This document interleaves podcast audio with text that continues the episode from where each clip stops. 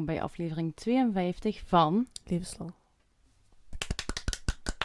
Hier zijn we weer, Hallo. gelijk altijd, na twee weken. Ja. Ehm, ja. Ik, eh, ik heb daar zo over na zitten denken en eh, eigenlijk zijn we niet zo heel goed in intros, vind ik. Dat is niet dat wij heel veel eh, te vertellen hebben. Wij gaan meestal Nee. vrij snel door naar Yes. de aflevering. Maar toch fijn dat jullie terugluisteren Mhm. na onze mini-vakantie. Ehm, ik denk oprecht wel dat er binnenkort nog eentje gaat volgen, want ik ga Nog meer. meer werken. beginnen werken. Nog meer. Nog meer. Goed zo. Eh, ja. Ik eh, ga een vervangingscontract doen van begin september tot en met eind december bij mijn stageplaats van het afgelopen jaar. Ehm, dus ik ga nog wat meer in de geestelijke gezondheidszorg staan als ervaringswerker. Dus het kan zijn dat we dan weer even ehm, Ja. een kleine pauze inlassen om een beetje te zien hoe dat allemaal weer gaat en de tijd die we hebben. Hè? Ja. Maar goed, voor nu alleszins hebben we nog tijd voor deze aflevering. En de aflevering van vandaag... Ja? Ik was aan het denken, maar ik weet het al niet meer. Nee, je zei het vergeten misschien. Ja, Ja, ik, ben ook, ik ben ook een beetje maar- aan het vooruitwerken, dus eh je hoort wat dingen door elkaar. Ja, dat is Nee, de zaak van vandaag gaat over een vrouw genaamd Jennifer Morant. We gaan zo meteen het hele verhaal duiken, maar in dit geval wil ik wel op voorhand een ehm, trigger warning geven. Het is opnieuw een aflevering zoals we die hebben gehad over William Melchert. Ehm, dat het gaat over zelfdoding en tot het al dan niet aanzetten van iemand tot zo'n daad indien dat je dat heel moeilijk vindt om naar te luisteren, dat je daar zelf door gaat, sla deze aflevering over en weet dat je altijd ehm, kunt bellen, contact kunt opnemen eh, met instanties die jullie kunnen verder helpen in dat geval. Maar voor degenen die dat wel graag willen verder luisteren, wou ik deze zaak ook wel doen, omdat we ook net wel hele mooie reacties gekregen hadden over de zaak van William Melchert en hoe die hadden aangepakt. Dus ik dacht, laten we op vandaag opnieuw ehm, zo'n soort zaken tussen gooien. Dan kan ik eens eh, goed weer ingaan op mentale gezondheid en mentale moeilijkheden. En kan ik weer helemaal in mijn element kruipen vandaag. Oké. Goed, dan zullen we eraan beginnen. Hè? Yes.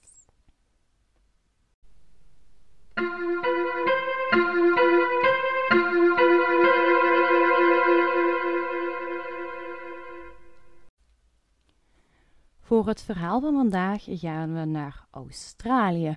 En meer specifiek naar een stadje genaamd Gold Coast. Dat is een kuststadje in het zuiden van Australië. En er wonen op dit moment zo'n 592.000 inwoners. En het is de zesde grootste stad van Australië. Oké. Het is een kuststad, gezellig, gelijk Op Kijk, de zee, ja. heel veel ehm, in Australië. Ik denk dat het meeste langs de kust woont. Denk ik.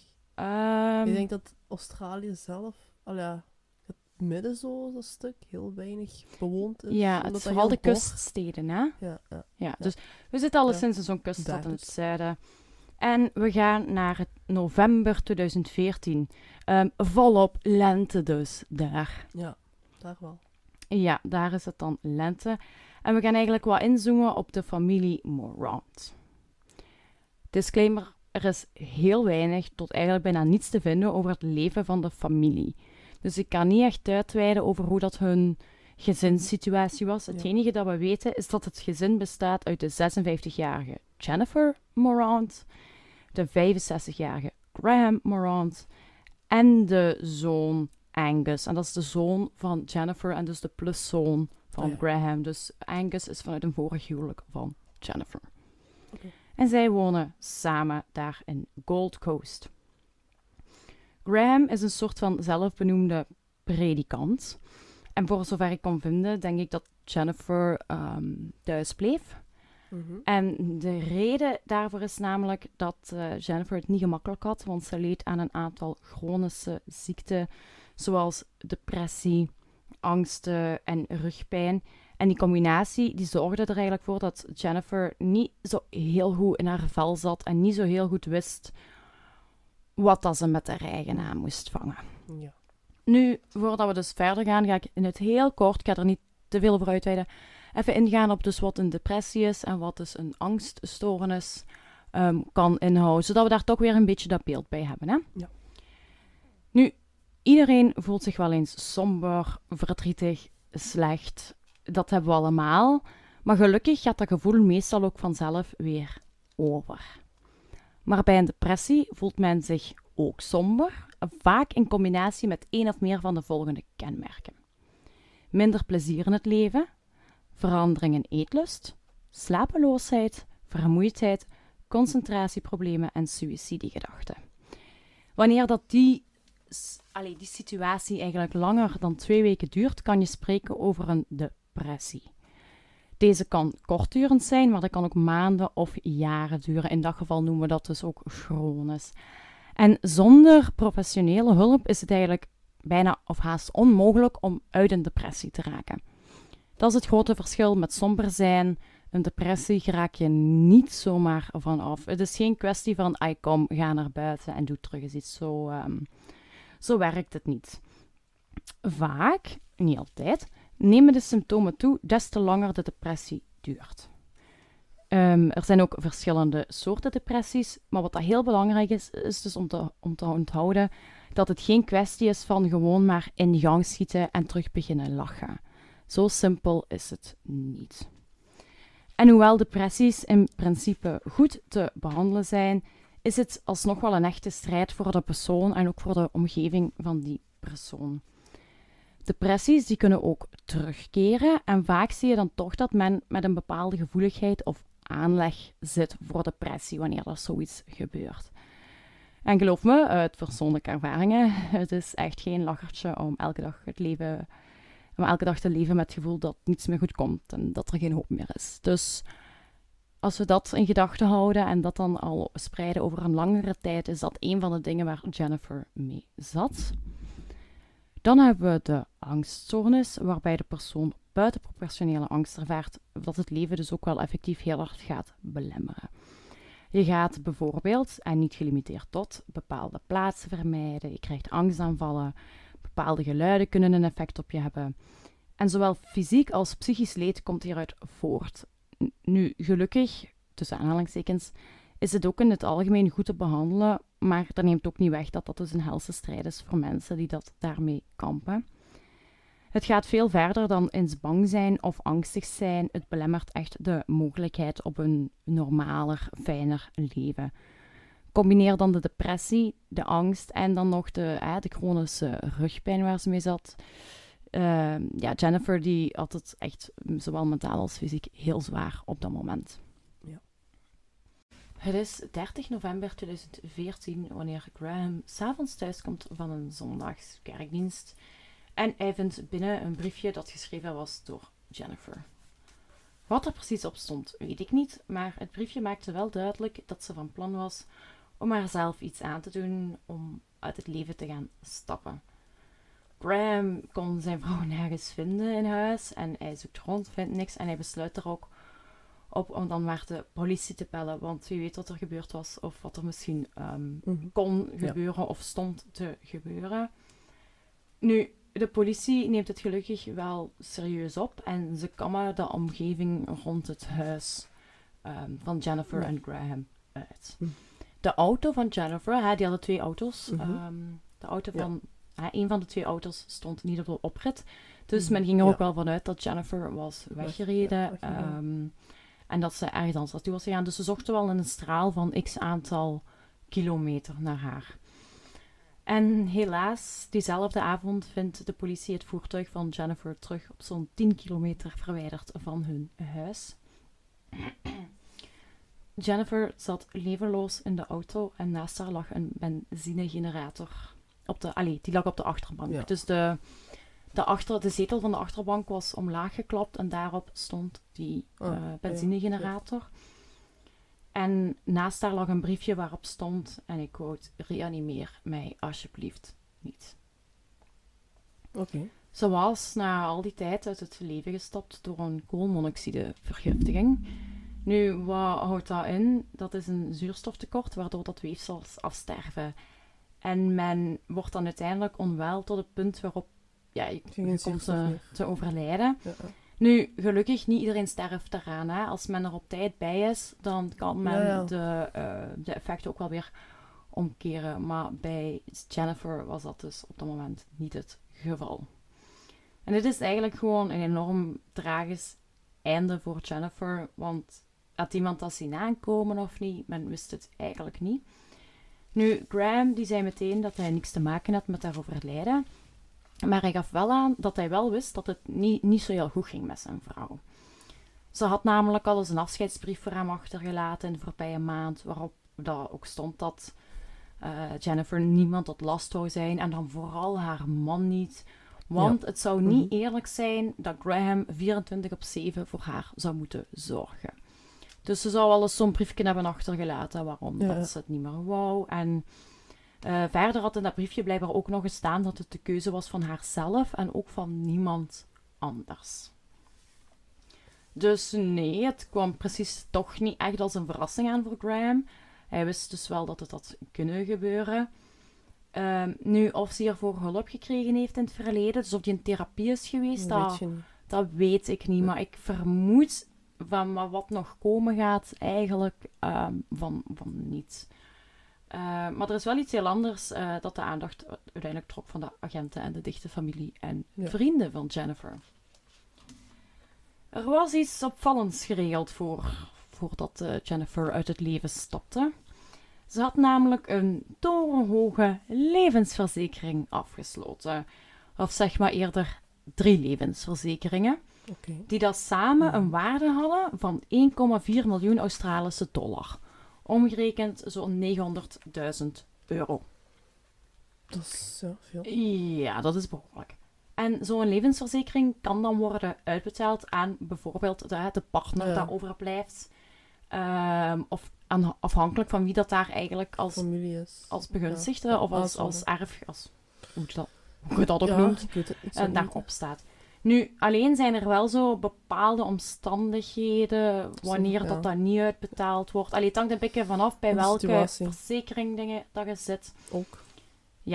En een van de omstandigheden, wanneer dat, dat soms dus niet gedekt wordt, is bij zelfdoding. Zeker niet binnen de eerste 13 maanden dat dat wordt afgesloten. Oké, ja, ja. Daar kunnen we ook wel ehm een reden achter vinden natuurlijk dat Ja, ja, heel vaak zelfdoding geen zelfdoding blijkt te zijn. En als er pas een, een levensverzekering wordt afgesloten en dan binnen het jaar Ja, ja. is die persoon eens overleden, ja, dat, dat, is, dat is louche. ja. Dat is louche, oké? Nu, in het geval van Jennifer stond de bepaling eh, erin dat suïcide even goed eh, uitbetaald ging worden. Dus, ondanks dat Jennifer zelf uit het leven gestapt was, ehm, werd, ze, werd ze de 1,4 miljoen Australische dollar wel opengesteld dus Ja, voor ja. Graham. En kunnen we het daar even gewoon over hebben? Hoe erg het is dat als iemand uit het leven stapt, dat daar andere bepalingen gelden. Iemand, dus even kwaadheid, even lichte kwaadheid, frustratie.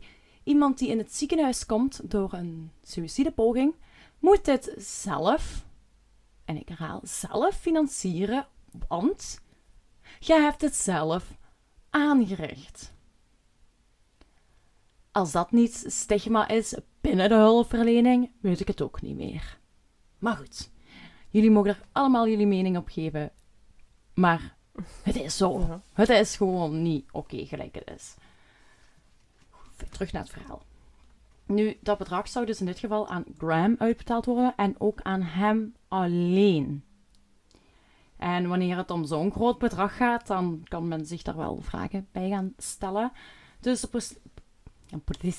dus de politie besloot om toch eens verder te kijken in de zaak. Want was het wel echt een suïcide of zat er misschien ja, toch iets anders achter? Hè? Dat groot bedrag, dat, dat stak zo wel hun ogen uit. Er is niet veel over het onderzoek te vinden, dus ik heb me voornamelijk, of eigenlijk alleen maar gebaseerd op artikels die daar hier en daar het onderzoek aanhaalden. Dus ik heb Ja. eigenlijk een soort van schets proberen maken van wat men zo al ehm, Heeft gevonden. heeft gevonden en onderzocht heeft. Ik kan niet zeggen of het allemaal natuurlijk chronologische volgorde is, Ja, nee, nee. want ik heb het ja, ruw moeten schetsen. Goed. Goed. Nu, maar men gaat dus wel onderzoek doen naar het leven van Jennifer en Graham, eigenlijk via het bevragen van naasten van het koppel.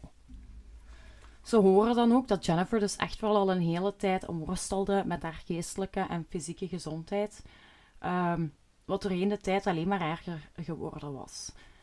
Ze nam pijnmedicatie, veel pijnmedicatie voor haar rug, ehm, maar wat ze allemaal ook pakte voor haar geestelijke gezondheid, dat weet ik ook niet precies nu. Mhm. We gaan nog even terugkomen op die medicatie, maar iets later. Ja. Maar wanneer ze verder zoeken, komt Judy Dent, de beste vriendin van Jennifer, naar voren. Mhm. En die vertelt dus aan de politie dat het helemaal niet eh, alleen Jennifer's keuze was geweest om uit het leven te stappen. Graham had, volgens haar, een veel grotere rol gespeeld bij Jennifer's dood dan dat hij zelf had willen laten uitschijnen. En jawel, volgens Jude hebben de drie levensverzekeringen zeker iets te maken met de dood van Jennifer. Sterker nog, volgens Jude had Graham zo hard ingespeeld op Jennifer. Dus hij, hij zou blijkbaar constant op haar Ja. hebben ingesproken van je moet dat gaan doen, dat is beter. Wat dat eigenlijk dus, als je het dan kadert, eh, zou betekenen dat hij zijn eigen vrij- vrouw zou hebben aangezet Ja. tot zelfdoding. In plaats van haar te ondersteunen en te helpen. Ja, ja. Ehm, ja. En dat zou dan weer betekenen dat Graham dus wel achter het geld van de verzekeringen zou aanzitten. Mhm. Wat dan erop zou kunnen wijzen dat het een vooropgezet plan was van Graham. En ja, zo hè. En dat Ja. zou dat kunnen uit een sneeuwbaleffect. Mhm. Alleszins wordt de situatie tussen het koppel nu de belangrijkste focus van het onderzoek. Laten we eens gaan kijken wat men daar allemaal gevonden Yes. heeft. De onderzoekers besluiten hierop om naar de financiële situatie van Graham te kijken. En ze komen er eigenlijk achter dat hij zeer weinig geld had en creditcardschulden had. Dus dat hij over zijn eh, limiet was gegaan. ja. Meerdere Ja, meerdere keren Meerdere eigenlijk. En voor iemand als Graham was die 1,4 miljoen dan ook een aanzienlijk bedrag. Als dat al niet eigenlijk voor Ja. zowat iedereen een aanzienlijk bedrag Ja, is. Maar is een man die dat bijna geen geld heeft. Hè, geen, Ja, dat, en en ja. dat kan gevaarlijk worden. En, schulden. En dan heeft de vrouw enorm veel geld ter beschikking als er iets zou gebeuren. ja, en misschien een makkelijk doelwit op dat moment. Ja, sowieso. Dus, Zo, ja, want zij was op dat moment ook zeer kwetsbaar. Dus 9 van 10 keer zeer beïnvloedbaar ook. Ja, ja. Nu. Inderdaad. Eens kijken, waar zaten we? Ah. Ook de zus van Jennifer, Lynette, komt in beeld en ze vertelde dus dat Graham alleen maar kon focussen op dat geld en niet op zijn zieke vrouw die dat hulp nodig had. Sterker nog, Lynette vertelde dat Graham openlijk met Jennifer zou hebben gesproken over wat hij met dat geld van die levensverzekering zou doen als uit het leven stapte. Zoals eerder aangehaald was Graham een zelfverklaarde predikant en dus Ja. behoorlijk religieus. En het is ook vanuit die insteek dat hij interesse had in het geld. Hij zou het namelijk spenderen, en hou u vast, Aan de kerk. aan het bouwen van een religieuze commune, om zo te schuilen voor een dreigende opname. Wat bedoelt hij met opname? Mannen, ik ga eerlijk zijn, religie is niet mijn forte. Ik hoop dus wat ik heb gevonden, dat dat klopt. Wat ik heb gevonden is dat die opname, dat hij eigenlijk de opname door de gemeente noemt. En dat is een door de Bijbel voorspelde gebeurtenis waarbij God en Jezus de ware gelovigen, gelovigen zou komen ophalen van de aarde en meenemen naar de hemel. Graham wou dat niet, blijkbaar, terwijl het wel als iets voor hem klinkt, hè, als Ja. religieusheid, maar hij wou schuilen, hij wou op aarde kunnen blijven, weet, weet ik het. Lynette, die, eh, die had dat allemaal aanhoord, want Jennifer had haar dat allemaal verteld. Ja. En Lynette heeft zegt op een bepaald moment ook van... Kijk, Jennifer, je zijt een levensver- levensgevaar door zo'n hoge levensverzekering te hebben. Dit, dit komt niet goed. Maar Jennifer, die had daar geen gehoor naar. Nu, dan zou je nog kunnen denken van... Goh, kijk, die zijn heel religieus. Hè? Vanuit dat standpunt is het overgaan tot zelfdoding soms een een zonde. Hm. Hier zou ik ook heel lang over kunnen uitweiden waarom, wat ik daarvan vind. Ehm, maar ik denk dat de meesten wel kunnen raden dat dat, dat hier niks Ja. te maken heeft met Nee. wel of geen zonde. Eh, we kunnen dat niet beperken tot Nee. dat maar, maar zoiets. Dat is Eigenlijk. waar. Nu, ja, je zou dan denken, oké, religieus, dus misschien is dat toch een, een, een, een reden, hè, dat dat een zonde zou zijn, dat ze dat niet zou doen vanuit die overtuiging. Maar Graham, die had daar een antwoord op gehad. Hij had Jennifer namelijk beloofd dat overgaan tot zelfdoding geen zonde zou zijn, aangezien dat ze door haar overlijden iets goeds zou doen voor de kerk. Namelijk veel geld geven voor die commune te bouwen en zo. Ja, Ja, dus omdat dat ervan zou komen, zou ze, is het geen zonde, zou ze niet naar de hel gaan, nog altijd naar de hemel. Komt allemaal goed, vrouwke. Zo, eh, ja, ja, zo, doet hem tegen haar. Ja. Nu, en wanneer dat ook, ik kan me wel voorstellen, als je daarin gelooft en wanneer ook dat wegvalt, dat jij dus inderdaad hebt van, ah nee, maar als ik dat zou doen, dat is zelfs, dat is goed. Dat als je dan in een situatie verkeert zoals Jennifer, die dus al Ja, ja. maanden, jaren waarschijnlijk depressief is, Dan weet je niet meer anders. ziek, ziek is, dan heeft hij niet veel nodig. Als Nee. dat wegvalt, dan heb je niet veel meer nodig om, om die grens over te gaan en om inderdaad daar, daartoe in staat te zijn. Nu, we hebben dat allemaal, maar is dat genoeg reden om Graham te veroordelen voor het aanzetten of tot of het helpen uitvoeren van zo'n suïcide? Hè, want dat, dat blijft ook altijd zo'n ding. Is dit wat we hier gevonden hebben? Dus inderdaad, dat, dat hij dat verzekeringsgeld wou, is dat de enige reden? Kunnen we hem daar alleen op pakken? Ze dachten mm, van niet. Ze, dus wat, wat doen de onderzoekers? Die gaan verder en verder zoeken. En die spraken opnieuw met Jude, die het dus al verteld had dat Graham achter dat geld aan zat. En Jude vertelt dan ook dat Jennifer actief op zoek was naar een manier om hè, tot suïcide Ja. over te gaan. En dat ze dat met hulp van Graham zou doen, die haar verteld had dat hij een pijnloze manier wist. Oké. In datzelfde gesprek waarbij Jennifer dit dus allemaal aan Jude vertelt, dus aan haar beste vriendin, zou Jennifer ook verteld hebben dat ze het plan ten uitvoer moest brengen met hulp van haar man dus, Mhm. eens ze thuis was. Dit gesprek vond had één week voor de dood van Jennifer plaatsgevonden. Ja, concrete plannen.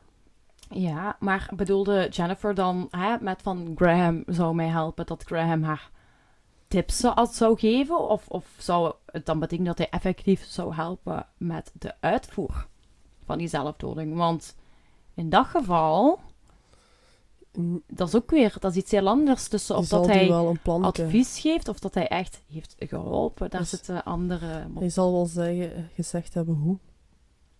Hoe je dat moet doen. Ja, we komen daar eh, nog wat op terug.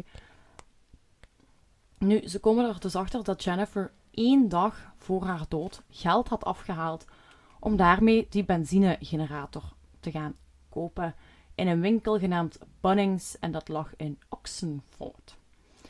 Maar zelf was Jennifer door haar rugpijn, door alles, ehm, niet altijd in staat tot autorijden. hè. Dat ging Ja. soms wel, soms niet. En wat wordt gezegd? Dat Graham haar dus eerst naar een pinautomaat zou hebben gereden, zodat ze geld kon, kon afhalen. En dat hij daarna met haar naar die winkel zou zijn gereden, die ijzerwinkel, van- om die generator Ja. te gaan kopen. Om daar zeker van te zijn, bekijken de onderzoekers de camerabeelden van de winkel. En jawel, Graham is ook duidelijk te zien achter het stuur van de wagen. Nu, ze hadden in het begin zo al eens met Graham gepraat en toen zei hij van, ja, nee, ik heb hier niks mee te maken. Ik, allee, ik wist dat ze haar niet goed voelde, maar voor de rest... pff. Maar nu dat ze dus al die verhalen van de net hebben, van Jude, ze hebben die camerabeelden, besluiten ze, allee, of ik kan mij zo inbeelden Mhm. dat ze hier gaan besluiten om nog eens met hem in gesprek te gaan. Hè? Ja. Zoals eerder verteld ontkende hij dus betrokken te zijn, hoewel dat hij wel van haar doodswens wist. Eh, maar Graham die ontkende dus dat hij, het, dat hij het geld uit eigen belang zou willen. En hij zei dat hij zelfs niet wist dat hij de enige rechtshebbende was. Hè? Want dat soort details, hè, zo het detail dat jij de enige rechthebbende bent op 1,4 miljoen, hè, die details, die wist hem dan niet. Dat, dat Nee. wist hem niet, daar kon hem zich niet op focussen. Hè, in plaats van dat hij eigenlijk op dat inging, haalde hij de enorme, maar echt de enorme doodswens aan van zijn vrouw. Want hij had ook zoiets van, ja, kijk, als zij dat echt wou, dan kon ik haar toch ook niet tegenhouden. Dat is wat hij daarvan zegt. Nee, hè, volgens hemzelf was hij een onschuldige, rouwende Ja. echtgenoot. Alleen leek er ook tegelijk niet echt heel veel sprake te zijn van verdriet. Graham die bleef zeer rustig, wat de onderzoekers dan toch wel wat apart vonden. Ehm, nogmaals, je weet nooit hoe dat iemand reageert. Nee, maar... Maar ze, hij reageert echt in, in koele bloeden. Zo. Het doet hem precies helemaal Niks. Ja. niks om over de, de dood van zijn vrouw te praten. En daar vinden ze... Ja, die voelen toch dat daar zoiets niet, Klopt. niet klopt, ja. Ze beginnen dan met hem te praten over die generator die daar gevonden was. Hè, die dat gevonden was in de auto waar Jennifer in zat.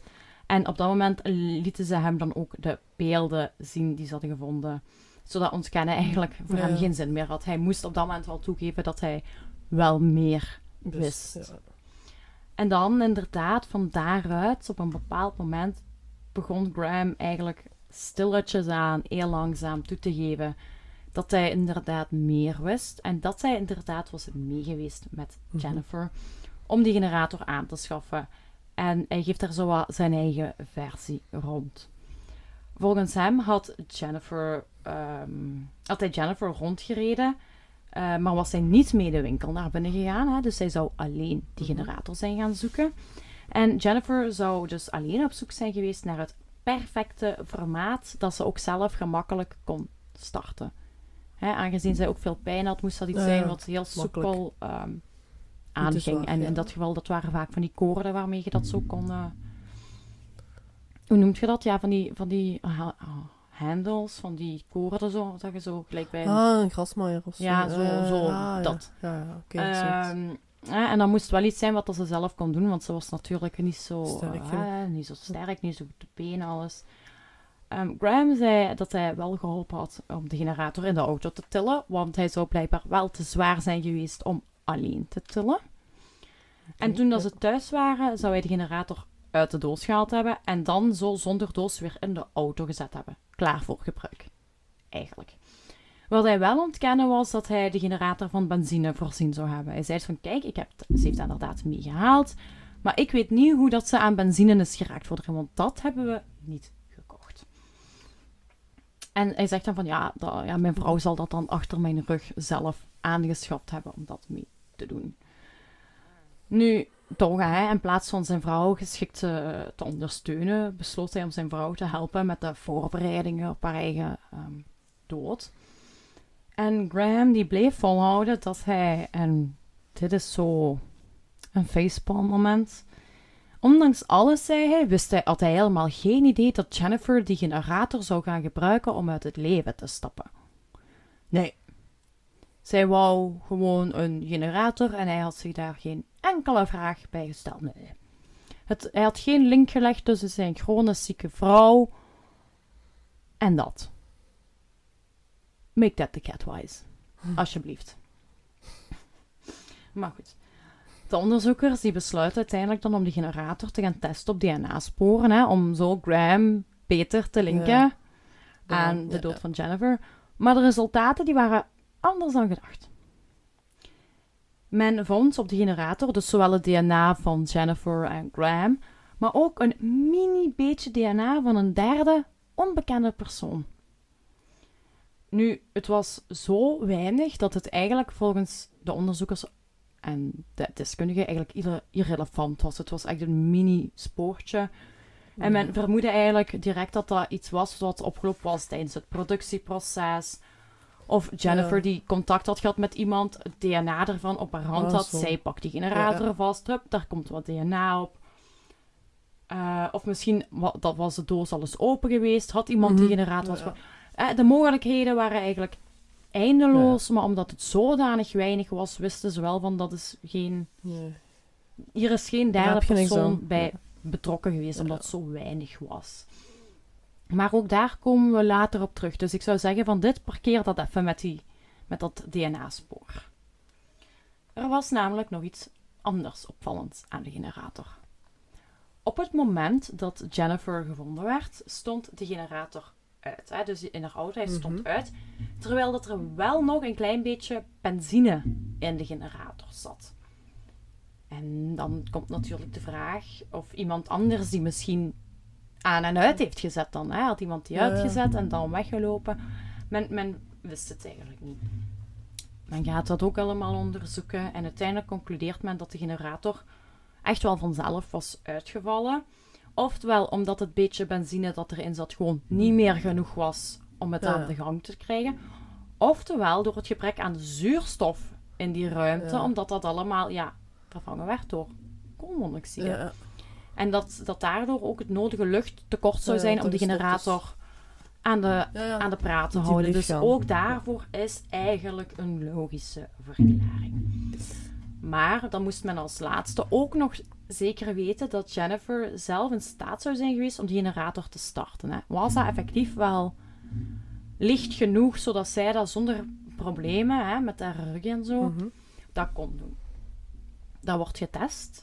En met één trek eigenlijk aan dat, aan dat koord, aan Ja. dat... Ja, Ja, ja, ik weet niet echt hoe dat ik het moet noemen. Bedoelt. ging, het dus, ging het dus eigenlijk al direct aan. Dus men zegt, ja, Jennifer had, ondanks haar, Ja, ja. Haar conditie, had ze dit effectief wel makkelijk zelf kunnen doen. En hoewel dat een aantal zaken dus in het voordeel van Graham speelden, speelde er genoeg in zijn nadeel om hem uiteindelijk officieel aan te klagen voor het aanzetten tot zelfdoding. En dat gebeurt nog in 2014 Ja. zelf. Graham wordt aangeklaagd voor het adviseren van zelfdoding en het helpen met de voorbereidingen van de zelfdoding. Hè, ehm, het adviseren zou dan al die gesprekken zijn geweest die hij met haar had gehad van ik weet een pijnloze manier, hè, het is helemaal geen, geen zonde. Nee. En het Mhm. helpt met de voorbereidingen is dan effectief dat, dat haar eerst naar die pinautomaat rijden, dan naar die winkel waar ze dan gaan kan kopen. Ja. En het hele proces duurt, oh, hou je vast, vier jaar. Omwille van dus de complexiteit van de zaak. Het gaat hier over een zelfdoding. Waar men Ja. iemand hè, voor wilt berechten. Maar men, men kent dit eigenlijk op dat moment nog niet zo in Australië. Nee. Men is daar nog niet mee bekend. En het is zeer, zeer complex. Maar ik kom daar nog op terug. Volgens de aanklager was Jennifer dan wel depressief. Maar zonder Graham zou ze zelfdoding gewoon nooit als optie Mhm. gezien hebben, zegt hij. Ze zou niet op deze exacte manier met die generator uit het leven gestapt zijn als Graham haar niet over die manier verteld had. E- Eigenlijk de aanklager zegt, Ja. ze had niet zelf op dit idee gekomen. Nee. Hè, dus dan zou ze misschien iets anders hebben geprobeerd. Of wat dan ook. Maar dit is wel zeer specifiek wat Graham haar ook Ja, ja. aanraden om te doen. Mhm. Graham die bleef zijn onschuld volhouden. Hij wist niks van haar plannen af. En nee, want men vroeg ook van, kijk, hè, Jennifer is gevonden in eigenlijk ja, de goede auto van de twee. Normaal neemt jij die als je naar de kerk gaat. Waarom had je deze keer dan de andere auto gepakt, hè, zodat Jennifer de auto... Ja. Want Jennifer had dus de auto waar de generator in zat. Hij had Ja. die zondag een Andere. andere auto gepakt, terwijl dat niet van zijn gewoond was. Hij pakte dus Mhm. normaal altijd die ene. Die auto. ja. Maar nee, zegt Graham, hij had, eh, hij had er helemaal niet meer opzet gedaan. Dat was toevallig geweest. Nee, nee, nee. hè, je kon hem niet overtuigen. Zowel Jude, hè, dus de beste vriendin, en Lynette, de zus van Jennifer, die kwamen ook aan het woord en die verklaren eigenlijk onder Ede opnieuw wat dat ik daarnet zo allemaal Ja, proberen uitleggen. Hè, dat Die- ze daar op gesprek kwam. ja, wat ze dat ze inderdaad al die dingen dat ze verteld zou hebben. Ja. En zij vertellen dat daar opnieuw aan de jury, want het is een rechtszaak met een jury bij. Ja. En die jury moest dat allemaal aanhoren en dan beslissen of dat men Graham schuldig kon Mhm. verklaren voor een, een zelfdoding. Want, en, en hier komt denk ik een beetje die complexiteit ook uit. Mhm. Ehm, in C is niemand buiten de persoon die het doet direct verantwoordelijk voor een zelfdoding. Hè, het woord Ja. zegt het zelf. Iemand doet het zelf. Dus in C is niemand daar in die zin schuldig Ja. aan. Dus men vroeg zich dan ook af van, kun je dan iemand wel straffen? Hè? De term zegt het zelf, zelfdoding. Kan iemand dan verantwoordelijk zijn voor dat dat uiteindelijk gebeurt? Dat is dus waar dat zij al die tijd voor nodig hebben. Want zoals gezegd, in Australië had men nog nooit zo'n zaak. En men... Ja, kun, kunt je iemand schuldig verklaren voor een zelfdoding? Hè, door, onze voor, door onze aflevering over William Melchor weten we dat dat kan. Ja, ja, Maar in Australië was dit nieuw. Men wist het niet. Men had het nog nooit gezien. Wat moest je, wat moest je daarmee doen? Ze, ze, Ja, ze- schuldig, niet schuldig. Het, was, het, het is ook gewoon enorm complex. Natuurlijk. Eh, nu, die zaak die bleef dus vier jaar aanslepen tot in oktober 2018. Mhm. En Graham is op dat moment 69 jaar oud. Hmm. Ja, eh, Jennifer was 56 en hij was op het moment dat zij stierf 65. Dus die scheelde 9 Ja, jaar. oké. Ja. Ja. Nu, ze gaan er dus heel lang over in discussie van, is het inderdaad, ehm, is het puur zelfdoding? Kunnen wij daar iemand voor veroordelen? Ja, nee. De jury gaat eigenlijk vrij lang in beraad. Maar dan op 2 oktober 2018 kwam de jury met een verdict. Bram werd schuldig bevonden aan het adviseren en het helpen met de voorbereidingen van de zelfdoding van Jennifer. Zij zeggen dat ze zonder zijn advies en hulp dat het niet zo Ja. was gelopen, dat het op een andere Ja. manier had kunnen Of niet, gaan. ja. Of gewoon misschien niet was gebeurd. Hè? Ik denk, daar komen we ook wel nog op terug. Ik denk, dat is, dat is moeilijk hè, van, van, om te zeggen van, als jij er niet waart, had ze het niet gedaan. Dat is moeilijk, maar ik denk wel van, als jij er niet waart, had ze het misschien niet op die manier gedaan. En exact zo uitgevoerd zoals hij het, nee, het wou eigenlijk. Hè? Nee, waarschijnlijk niet. Dus, dus dat. Ehm, op 19 oktober volgt dan de strafmaat. Oh, en hij mocht trouwens in tussentijd tussen de uitspraak en de Ja. strafmaat, mocht hij thuis eh, de uitspraak afwachten. Want hij was niet direct een gevaar voor eh, de samenleving. Alleen Dus hij mocht daar thuis met- op wachten. Alleen voor Ja. mensen met een hoge levensverzekering. Is hij in Alleen voor mensen met een hoge levensverzekering. Ja. Zal hij in gevaar zijn. Ja. Denk ik. Nu, op 19 oktober volgt dan dus eh, de strafuitspraak. En hij werd veroordeeld tot 10 jaar cel voor het helpen met de voorbereidingen. En 6 jaar cel voor het adviseren, slash, dat, is dat aanmoedigen tot zelfdoding. Hij mocht deze wel gelijktijdig uitzetten, wat dus neerkomt op een gevangenisstraf van 10 jaar. Zeer schappelijk. Zeer schappelijk. Wat vind je inderdaad van die uitspraak? Weinig? weet je, die man was... Ja, weinig. Nu, die man was toch al oud, ouder. Ja, 69 op dat moment. Ja. Dus hier dat hij er... 79, dat is een... Ja, maar met vervroegde vrijlating en zo. Ja. Maar tien jaar, is dat... Is dat veel? Is dat weinig? Is dat... Nee, dat is niet veel. Ik vind dat, ik vind dat zeker niet veel. Nee. Omdat ik opnieuw zal zeggen van... Ik, heb, ik ben ook door die periodes gegaan. Ik heb jaren geworsteld met depressies, met eetstoornissen, met borderline, met, met van alles. En op mijn, op mijn diepste momenten was ik ook zeer, zeer makkelijk over te halen tot dingen. Je weet dan natuurlijk nooit. Maar als ik inderdaad ook misschien toen zo iemand had gehad die kon zeggen: Hé, maar ik weet een manier zo zo. De kans dat ik daar mee in was gegaan, als dat op het moment was gebeurd dat ik nog onvoldoende hulp had gehad, ja, die kans zit daar gewoon in. Terwijl je daar inderdaad anders misschien minder intens mee bezig zou zijn, minder ehm, opties of, of alternatieven zou gaan zoeken. Ja. Maar ik, ik vind de uitspraak correct in die zin dat hij schuldig is bevonden. Tuurlijk. Maar we zullen eens gaan kijken naar wat dat, ehm, de rest ervan zegt. De rechter die zei na deze strafuitspraak, en ik quote: Je maakte misbruik van de kwetsbaarheid van een zieke en depressieve vrouw. Je adviseerde je vrouw tot zelfdoding, zodat jij er met het geld vandoor kon gaan. En, dan quote ik nog eens: Je hebt op geen enkel moment berouw getoond voor je daden. Je pleitte onschuldig te zijn en hebt het onderzoek tegengewerkt. Die boodschap krijgt hij nog van Mhm. de rechter.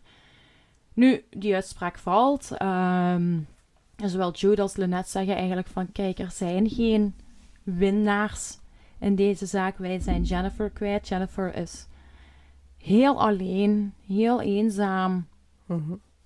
gestorven. Zonder iemand om haar heen. En ik denk dat dat ook iets is wat mensen soms kunnen vergeten. Dat zelfdoding ook zeer eenzaam is. Men doet dat niet ehm, waar tig mensen het kunnen zien. Men, men zal dat niet vaak niet aan de grote klok gaan hangen. En, en zij is dus inderdaad op een zeer eenzame manier komen te overlijden. Wat dat met de juiste hulp misschien helemaal niet, niet nodig Nee. was geweest. Mm, goed. Nu, na de uitspraak gebeurt er wel iets vreemds. Er kwamen namelijk e-mails boven water die dat Jennifer verzonden had naar Dr. Philip, excuse me for my pronunciation, Nitsch, Nitschke, Nitschke, Philip, Dr. Philip. En hij had Exit International opgericht. En dat was een groep die dat het recht op sterven als basisrecht ziet. Ja. Ja, Ja. iedereen moet het, hè. Ja, ehm, Maar... Maar eh, ik sta ook niet helemaal achter wat zij zeggen. Eh, maar goed. In een van de mails had ehm, Jennifer dus naar die Dr. Philip gestuurd. En ik quote. Ik heb al drie jaar last van chronische pijn. En de wervelkolomoperatie biedt geen enkele verlichting. In augustus 2011 bezeerde ik mijn wervelkolom door osteoporose. En ze hebben toen drie staven, twee platen en cement geïnjecteerd. Maar de operatie was niet succesvol en nu moet ik dagelijks een hoge dosis oxycanten, endone, tramadol, stemetyl, naloxon en paradol, os- paradolosteo nemen. Maar de meeste dagen kom ik mijn bed niet uit door de pijn en de misselijkheid. In een andere schreef ze: Ik ben nu 56 jaar en ik heb geen kwaliteitsvol leven meer. Ik ben zo moe van elke dag pijn te hebben. Nu heb ik uw hulp en ervaring nodig om een einde te maken aan mijn pijn en lijden. In september 2014 had Jennifer, dus dat is twee maanden ehm, voor haar dood, had Jennifer nog een mail gestuurd naar die dokter. Mhm. Deze keer na een vermoedelijke eh suïcidepoging. En, en ik ga opnieuw quoten. Ik ben helemaal alleen met mijn pijn en niemand die me helpen kan, behalve u. Ik woon in een landelijk gebied en ik vind het moeilijk om van de berg af te rijden waar we wonen. En mijn man wil me niet naar uw workshops brengen, zodat ik met u kan praten. Dit was volgens Dr. Philip en alias heel Exit International een duidelijk bewijs dat Jennifer zelf voor haar lot geka- gekozen had en dat Graham daar dus niet verantwoordelijk voor gesteld kan worden, want Mhm. deze mail toonde dus al langer aan dat ze echt actief op zoek was ja. naar een manier om uit het leven te stappen. Maar wat was meteen mijn bedenking daarbij? Ze zegt in deze mail heeft ze het over van een berg afrijden. Wat Ja, wel iets heel anders is dan wat ze uiteindelijk ja, heeft gedaan. Nu, ehm, wat zegt Ex International ook van, ja, kijk, ehm, Graham die heeft daar inderdaad misschien wel wat geholpen. Maar ja, aangezien dat Jennifer beperkt was hè, met, met haar pijn en zo, vonden, vonden die van Exit International het eigenlijk logisch dat, dat Graham zou helpen om haar droom te laten uitkomen. Hè? De droom van, van te mogen sterven eigenlijk. Dus zij zeggen van nee, die, die heeft geen schuld. Ehm, hij mag helpen, dat is gelijk ze dat noemen, assisted suicide, geassisteerde Mhm. zelfdoding volgens hun. Nu, en dat komt helemaal uit en Graham die greep dan die mail uiteindelijk aan om een hoger beroep te gaan tegen de uitspraak. Maar in 2020 werd deze vraag verworpen, dus Graham die bleef in de cel. En toen dat, dat afgerond was, toen kwam zoon Angus nog met een nieuw verzoek. Ja, de zoon van ja. Jennifer. Herinner dat onbekende DNA-profiel, dat daar de DNA-profiel gevonden is. Ja. Angus die geloofde dat er een derde betrokken was bij de dood van zijn moeder. Jennifer zou dus volgens hem de generator niet zelf aangezet hebben, ook niet zelf uitgezet hebben. Nee, volgens hem was daar iemand anders verantwoordelijk voor en dat extra, hè, dat onbekende DNA, dat bewees dat. Nu, bij het originele ehm, onderzoek, toen dat Jennifer gevonden was, heeft de lijkschouwer geen, ehm, hebben ze geen onderzoek op haar lichaam gedaan, omdat het vrij duidelijk was Ja. wat er gebeurd was. Maar Angus die verzocht de lijkschouwer deze keer om toch zo'n Mhm. een onderzoek te, uit te voeren. Om eigenlijk zo erachter te komen of dat het er sprake was van foul play. Of dat er sprake Ja. was van, van een derde persoon. Maar ja, de lijkschouwer die weigerde door het gebrek aan bewijs. Die zei zelf van, maar er is hier niks dat, dat echt kan aantonen dat er een derde persoon bij was. Dat beetje Ja. DNA dat is gevonden, dat is te verwaarlozen. Dat zegt men zelf, dat is niks. Maar Angus die accepteerde geen nee en hij stapte met zijn verzoek naar het hoger beroep eh, in Queensland. En hij wou een gerechtelijk onderzoek eisen om er zeker van te zijn dat niemand zou wegkomen dan eigenlijk met de dood van zijn moeder. hè. Hij denkt Mhm. dat het hier om moord gaat. Maar in mei van dit jaar, mei 2023, Ja. werd het verzoek dat hij had ingediend ongegrond verklaard, omdat helemaal niets wees in de richting van kwaad opzet door derden. Ja, Graham was inderdaad verantwoordelijk. Hij heeft haar tips gegeven, hij, hij, hij heeft haar Geholpen. over een bepaalde drempel geholpen, gewoon. Maar een derde persoon, nee, dat, dat is eigenlijk zeer onwaarschijnlijk. En ik geloof daar ook niet per se in, eigenlijk. Nu, goed, de eh, veroordeling voor Graham, die blijft dus staan. Op dit moment zit hij nog in de gevangenis. Maar in oktober van dit jaar kan hij al in aanmerking komen voor een vervroegde vrijlating. Dus eigenlijk na Zo voor vijf twee maanden. jaar al. Hè, hij heeft eigenlijk Mhm. nog maar vijf Ja. jaar. Want hij heeft ook gedurende dat onderzoek niet altijd in de bak gezeten. Nee. Allee, die, die was thuis, hè, want er was geen direct gevaar. Maar ehm, ja, dat is dus het verhaal van Jennifer Morant, die daar heel tragisch om het leven gekomen is.